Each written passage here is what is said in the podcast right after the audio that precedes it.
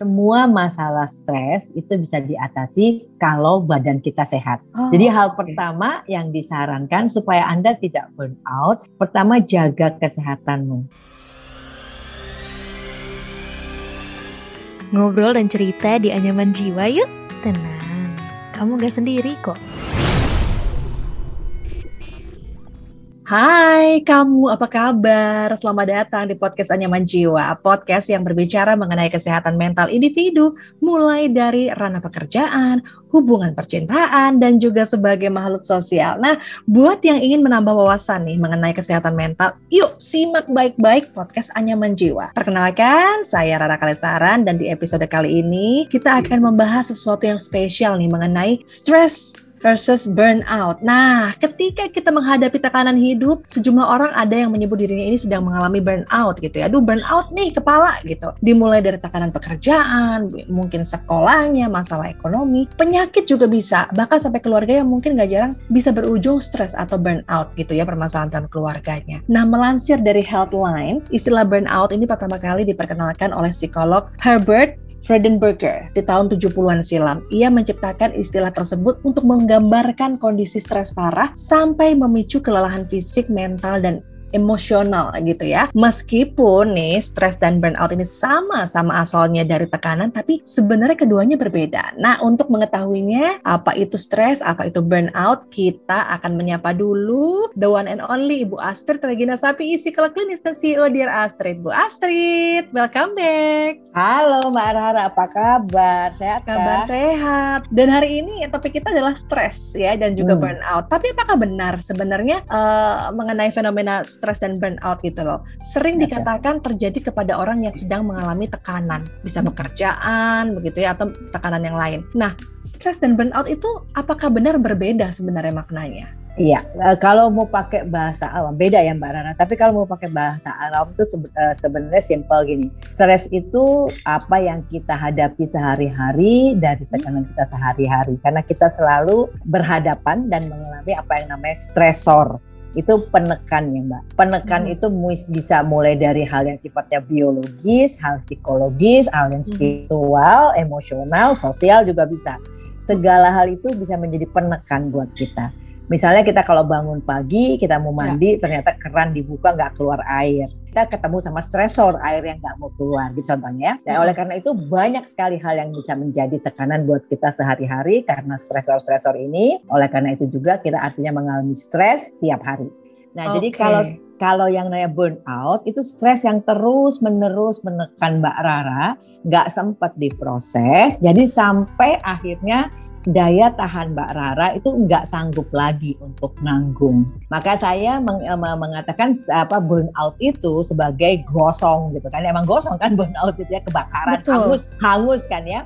Nah itu kenapa hangus? Karena kita itu setiap mengalami stres kita mestinya melakukan sesuatu untuk mengatasinya. Kan selalu okay. segala hal itu kita langsung selesaikan. Nah tapi kalau yang namanya burnout itu ada stres yang terus menekan, berulang gitu ya dan kita nggak pernah bisa selesaikan hmm. gitu ya Mbak Rara. Nah misalnya di pekerjaan, Mbak Rara mungkin sebagai seorang jurnalis misalnya ada satu beban kerja yang harus diselesaikan. Terus Mbak Rara coba selesaikan, tapi ternyata nggak nggak bisa diselesaikan karena ada beban kerja lain. Hmm. Beban kerja itu harus dikerjain lagi. Itu juga nggak selesai. Ada beban kerja lain lagi yang nggak selesai. Terus selama beberapa hari ngerjain tiga kerjaan dan tiga-tiganya nggak selesai. Karena harus masing-masing ada deadline yang harus dikejar. Kan itu tegang sekali kan Mbak Rara. Dan yeah. Mbak Rara nggak bisa keluar dari situ. Sampai akhirnya daya energi yang ada pada Marara habis karena harus memfokuskan diri pada ketiga hal itu. Terjadilah kehangusan itu. Apa hmm. gosong Mbak Rara sebagai hmm. orang karena nggak sanggup lagi nahan tekanan yang berasal dari pekerjaan yang Mbak Rara nggak bisa urai.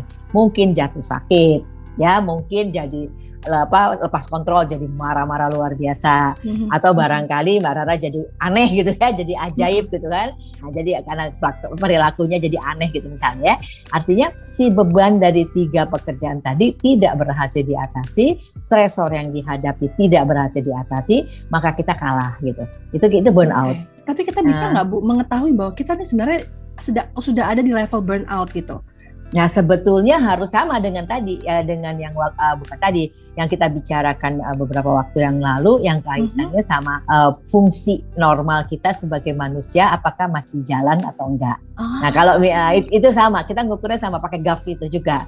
Jadi apakah stres yang kita apa kita alami ini masih di level apa namanya yang yang memberikan kita semangat untuk berprestasi karena kan hmm. untuk berprestasi juga kita mesti ada stres ya Mbak Rara. Ya. Nah, jadi tekanan itu memberikan kita kekuatan untuk untuk berhati itu kan stres positif sebetulnya. Nah, ya. tapi apakah apakah tekanan-tekanan yang kita hadapi ini tetap memberikan kita semangat untuk berjuang, tetap memberikan kita semangat untuk kompetisi misalnya, atau tetap memberikan kita semangat untuk ngejar uh, katakan target tertentu atau misalnya jabatan tertentu, itu masih sehat berarti. Tapi kalau hmm. udah menyebabkan kita udah ah udah aku pengen keluar aja, aku pengen bunuh diri aja, aduh aku nggak bisa nyelesain, ya udah mulai rasa kita nggak sanggup sehingga kita nggak bisa mikir positif lagi atau bahkan nggak bisa tidur, mata tiap ditutup kebayang terus kerjaannya misal gitu ya. Mm-hmm. Nah ini mm-hmm. ini udah berlebih, tekananku okay. udah lebih, aku udah nggak sanggup gitu nanganinnya. Okay. Gitu. Dia udah menguasai aku gitu loh. Bisa nggak sih Bu Astrid ada orang yang dia tidak pernah mengalami level burnout, stres-stres mm -hmm. biasa aja, mm -hmm. atau semua orang itu bisa mempunyai uh, atau pasti pernah mengalami fase burnout? Oke, okay. uh, nggak selalu. Uh, stres, iya. Setiap orang pasti mengalami stres setiap hari. Nggak ada hidup tanpa stresor. Pada kenyataan ini menjawab pertanyaan Mbak Rara, pada kenyataan hari-hari nggak hmm. semua orang mengalami burnout karena ada orang-orang yang selalu dalam kehidupannya setiap hari itu melepaskan stresnya. Jadi dia selalu punya ritual-ritual tertentu yang menyebabkan stres itu nggak pernah dia bawa, tapi dia selesaikan. Wow. Dengan misalnya ya Mbak, misalnya meditasi, misalnya gitu ya, atau dia olahraga, atau dia mungkin ngurus bunga, ngurus kucing gitu. Jadi semua stresnya itu dirilis dengan uh, melakukan kegiatan-kegiatan positif, atau bahkan kadang karena itu penuh kemarahan, dia melakukan kegiatan juga yang mengeluarkan energi kayak main tenis, main badminton mm -hmm. gitu ya. Nah jadi pokoknya dirilis rilis. Jadi dia melakukan banyak kegiatan ah. untuk mengeluarkan tekanan. Orang seperti ini mungkin dia tidak mengalami burnout yang pertama. Yang kedua, orang-orang yang bisa mengalami burnout itu orang-orang yang dalam relasi itu punya problem. Jadi mungkin dia tidak bisa mengatakan tidak misalnya gitu kan ya. Sehingga hmm. misalnya posisinya sekretaris terus dia kalau sekretaris kan kerjaannya banyak. Lalu iya. orangnya nggak bisa nggak bisa bilang tidak. Jadi semua kerjaan tuh dia kerjain dia iakan. Yeah. padahal kan orang tuh punya batas waktu. Yang mbak Rara punya batas waktu punya batas tenaga. Dan dia juga mesti istirahat kan sebetulnya untuk ngelepasin tekanan hmm. kan gitu. Hmm. tapi dia terima terus. Ya, karena dia punya problem dalam sosial. Nggak bisa bilang tidak nggak bisa nolak. Atau misal hmm. nunda. Kan bisa sebetulnya nunda. Oke saya akan kerjakan tapi saya beresin yang ini dulu ya pak. Misalnya gitu ya kan bisa. Ini enggak dia terima semua, dia enggak sanggup bilang. Ini orang-orang semacam ini punya potensi untuk ngalamin burnout karena dia menjadi tidak berdaya karena dia tidak bisa apa namanya ber, berhubungan sosial dengan baik. Dia nggak bisa nolak ya, nggak bisa ngatur dengan baik. Dia mau terima semua seolah-olah dia sanggup ngerjain semua. Misalnya gitu ya. Nah orang-orang seperti ini potensi untuk burnout besar. Atau orang perfeksionis Mbak Rara jadi orang yang nggak pernah puas sama prestasinya sendiri. Jadi ngerasa kurang terus gitu kan. Dia ngerasa kok nggak bagus. Dia coba ganti lagi, dia coba lagi, dia coba lagi. Tambah ini, tambah itu gitu ya. Diganti dari awal karena dia sendiri punya standar dan ini belum masuk di standar yang dia tetapkan.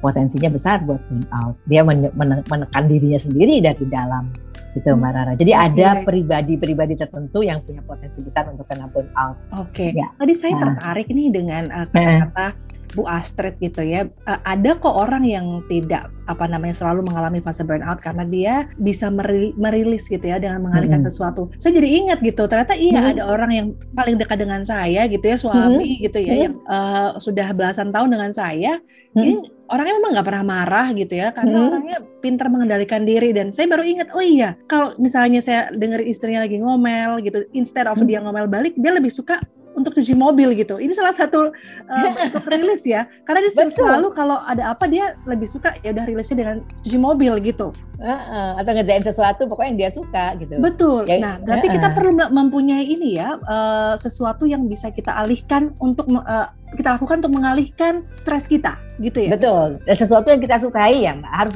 harus suka ya mbak. Jadi karena kondisi stres itu menyebabkan orang kan tidak seimbang mbak Rara. Dia kan tertekan walaupun kecil ya walaupun mungkin nggak besar dia tertekan. Nah bagaimana menyeimbangkan diri Kita mesti cari kegiatan yang kita suka, yang menyebabkan kita bisa fokus di kegiatan itu, sehingga tekanan-tekanan tadi kemudian eh, hilang karena kita mencapai keseimbangannya kembali. Gitu Mbak Rara konsepnya. Hmm, artinya kita perlu untuk mencari balance gitu ya? Betul. Nah hmm. orang-orang yang kena burnout itu biasanya tidak punya kesempatan untuk balancing itu. Nah, ya, ini kalau kita sambungin uh, dengan topik yang dulu, artinya uh, kalau kita burn out dan kita ngerasa kok kok aku udah mulai marah-marah melulu gitu ya, uh, kita uh, perlu nggak untuk mulai mencari teman untuk curhat?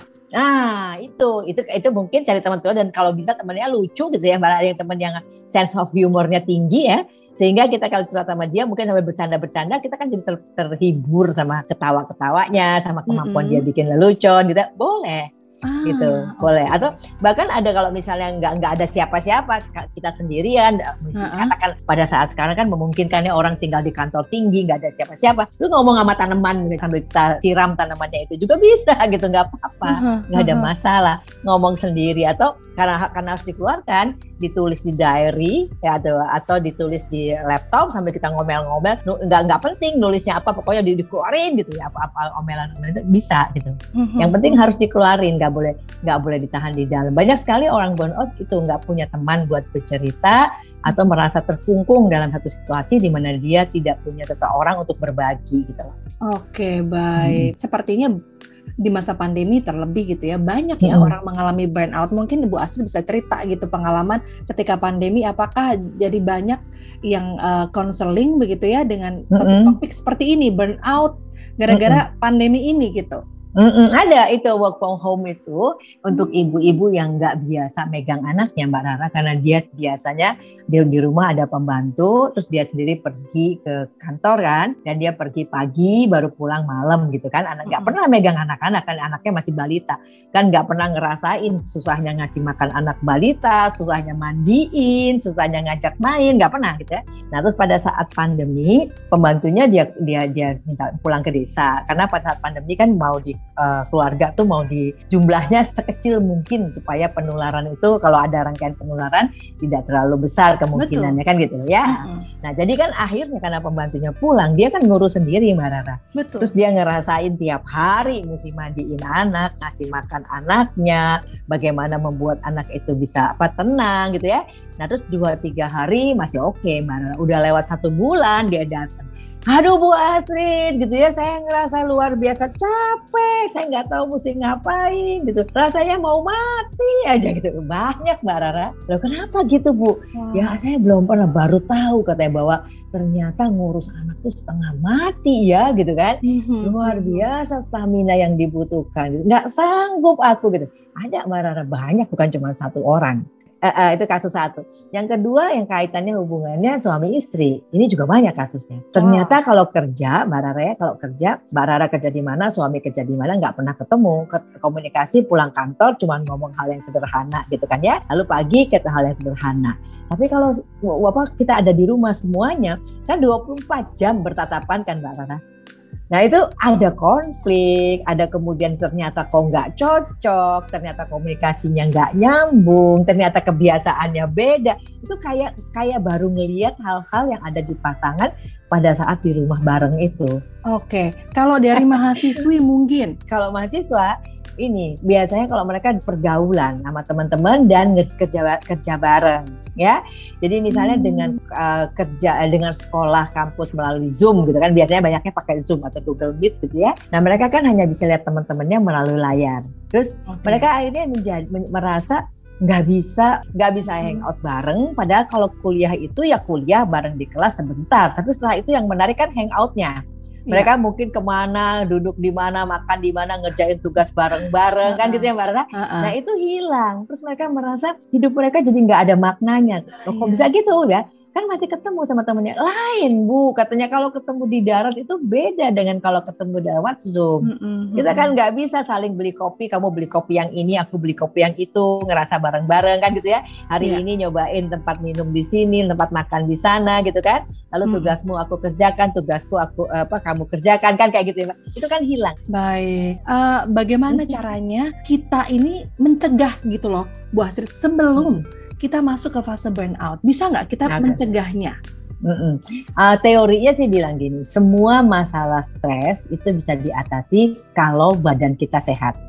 Oh, Jadi hal okay. pertama yang disarankan supaya Anda tidak burn out, pertama jaga kesehatanmu. Nah, kemudian setelah itu ada bisa mengolah stres, bisa mengolah tekanan, bisa mengolah uh, apa namanya komunikasi gitu ya. Jadi berikut-berikutnya adalah keterampilan-keterampilan yang berkaitan dengan negosiasi dengan keadaan, kemudian uh, keterampilan untuk uh, memilih dan memilah gitu ya. Yang hmm. ini dikerjain dulu, terus keterampilan untuk uh, apa namanya istilahnya uh, bikin jadwal, yang mana yang prioritas, yang mana tidak prioritas gitu ya. Jadi akhirnya keterampilan-keterampilan itu berkaitan sama uh, bagaimana kita mengorganisasikan pekerjaan dan bagaimana kita bisa mengorganisasikan hubungan atau komunikasi dengan orang lain. Itu Mbak itu yang bisa mencegahnya. Karena persoalan itu nggak bisa kita cegah Mbak Rara dia bisa datang kapan saja. Kita nggak pernah tahu kita akan hmm. tertekan atau nggak tertekan itu kita nggak pernah tahu. Tapi kita bisa jaga ke situasi dengan jaga diri kita sebetulnya tetap sehat gitu kan, tetap sehat, tetap bugar, kemudian terampil berkomunikasi, terampil ngatur kerjaan, terampil manajemen waktu juga. Sehingga kalau kita disiplin, jadi artinya satu hal yang juga eh, apa sering mungkin dilupakan orang benteng dari dari dari apa menghadapi burnout ini selain jaga kesehatan sehat segar bugar tadi juga disiplin Mbak Rara disiplin okay. dalam segala hal karena otak kita itu butuh keteraturan Nah, hmm. jadi kalau sembuh segala hal yang chaos, segala tekanan yang yang bikin kita porak-poranda itu akan beres kalau kita punya disiplin. Jadi kita punya punya apa kemampuan untuk mengatur diri kita dalam menanggapinya itu itunya pada teorinya bilang seperti itu. Jadi jangan biarkan semuanya kacau sampai kamu tidak terkendali, tapi strukturkan gitu kan sehingga kamu bisa mengendalikannya seperti yang Bu Astrid bilang tadi ya mencoba hmm. mencari balance ya hmm. melakukan uh, aktivitas yang bisa merilis stres-stres kita melakukan Betul. hobi gitu ya ya. juga mungkin kita mencari teman untuk curhat nggak apa-apa loh nggak apa-apa gitu ya untuk ya. cerita sekedar uh, tadi nongkrong-nongkrong dengan teman hmm. gitu ya atau juga zoom dengan temannya kalau nggak bisa hmm. nongkrong bareng ya hmm. mencari support system ah oke okay, baik nah hmm. kita sudah masuk ke tips nih nah seperti apa okay. tipsnya Ya, kalau kalau saya gini, yang namanya hidup itu kan selalu berubah ya Mbak Rara ya. ya. Kalau kita mengalami sesuatu itu, kenapa sih mesti di, di apa diberatin negatifnya, kan hmm. gitu ya? Kenapa kita nggak mencoba mengambil positifnya? Karena sebetulnya semua hal itu kan tergantung bagaimana kita memikirkannya, tergantung bagaimana sudut pandang kita, kan gitu ya. ya. Jadi jadi kenapa kita mesti mikir kok aku kehilangan ini?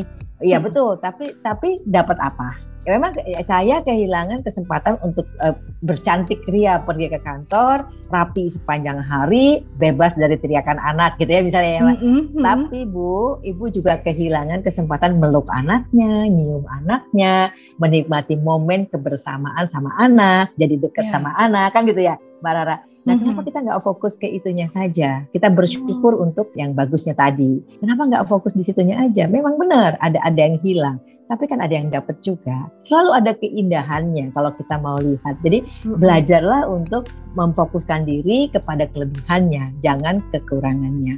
Karena tidak ada kekurangan tanpa kelebihan. Sebaliknya juga nggak ada kelebihan tanpa kekurangan.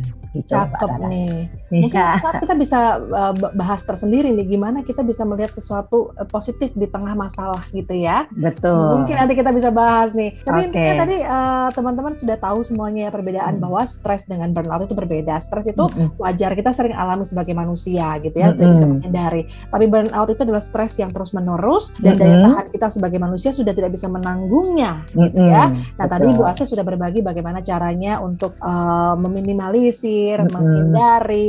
Mudah-mudahan mm -hmm. bermanfaat. Terima kasih okay. loh Bu Astri. Sama-sama Mbak Rara. Mudah-mudahan next time kita bisa ngobrol lagi dengan pencerahan-pencerahan berikutnya di podcast Anyaman Jiwa. Terima kasih. Tadi episode Anyaman Jiwa bersama dengan Ibu Astrid Regina Sapii. Buat kamu nih yang ingin berbagi cerita tentang kesehatan mental, boleh banget loh kirim ke email podcast at kgmedia.id atau juga bisa DM Instagram at sonrafm92 atau juga at medio by KG Media. Dengarkan juga podcast menarik lainnya dari Anyaman Jiwa di Spotify. Saya Rara Kalisakan pamit, sampai ketemu di podcast Anyaman Jiwa berikutnya berikutnya. Bye! Ya, udah selesai episode kali ini. Tungguin episode Anyaman Jiwa selanjutnya ya.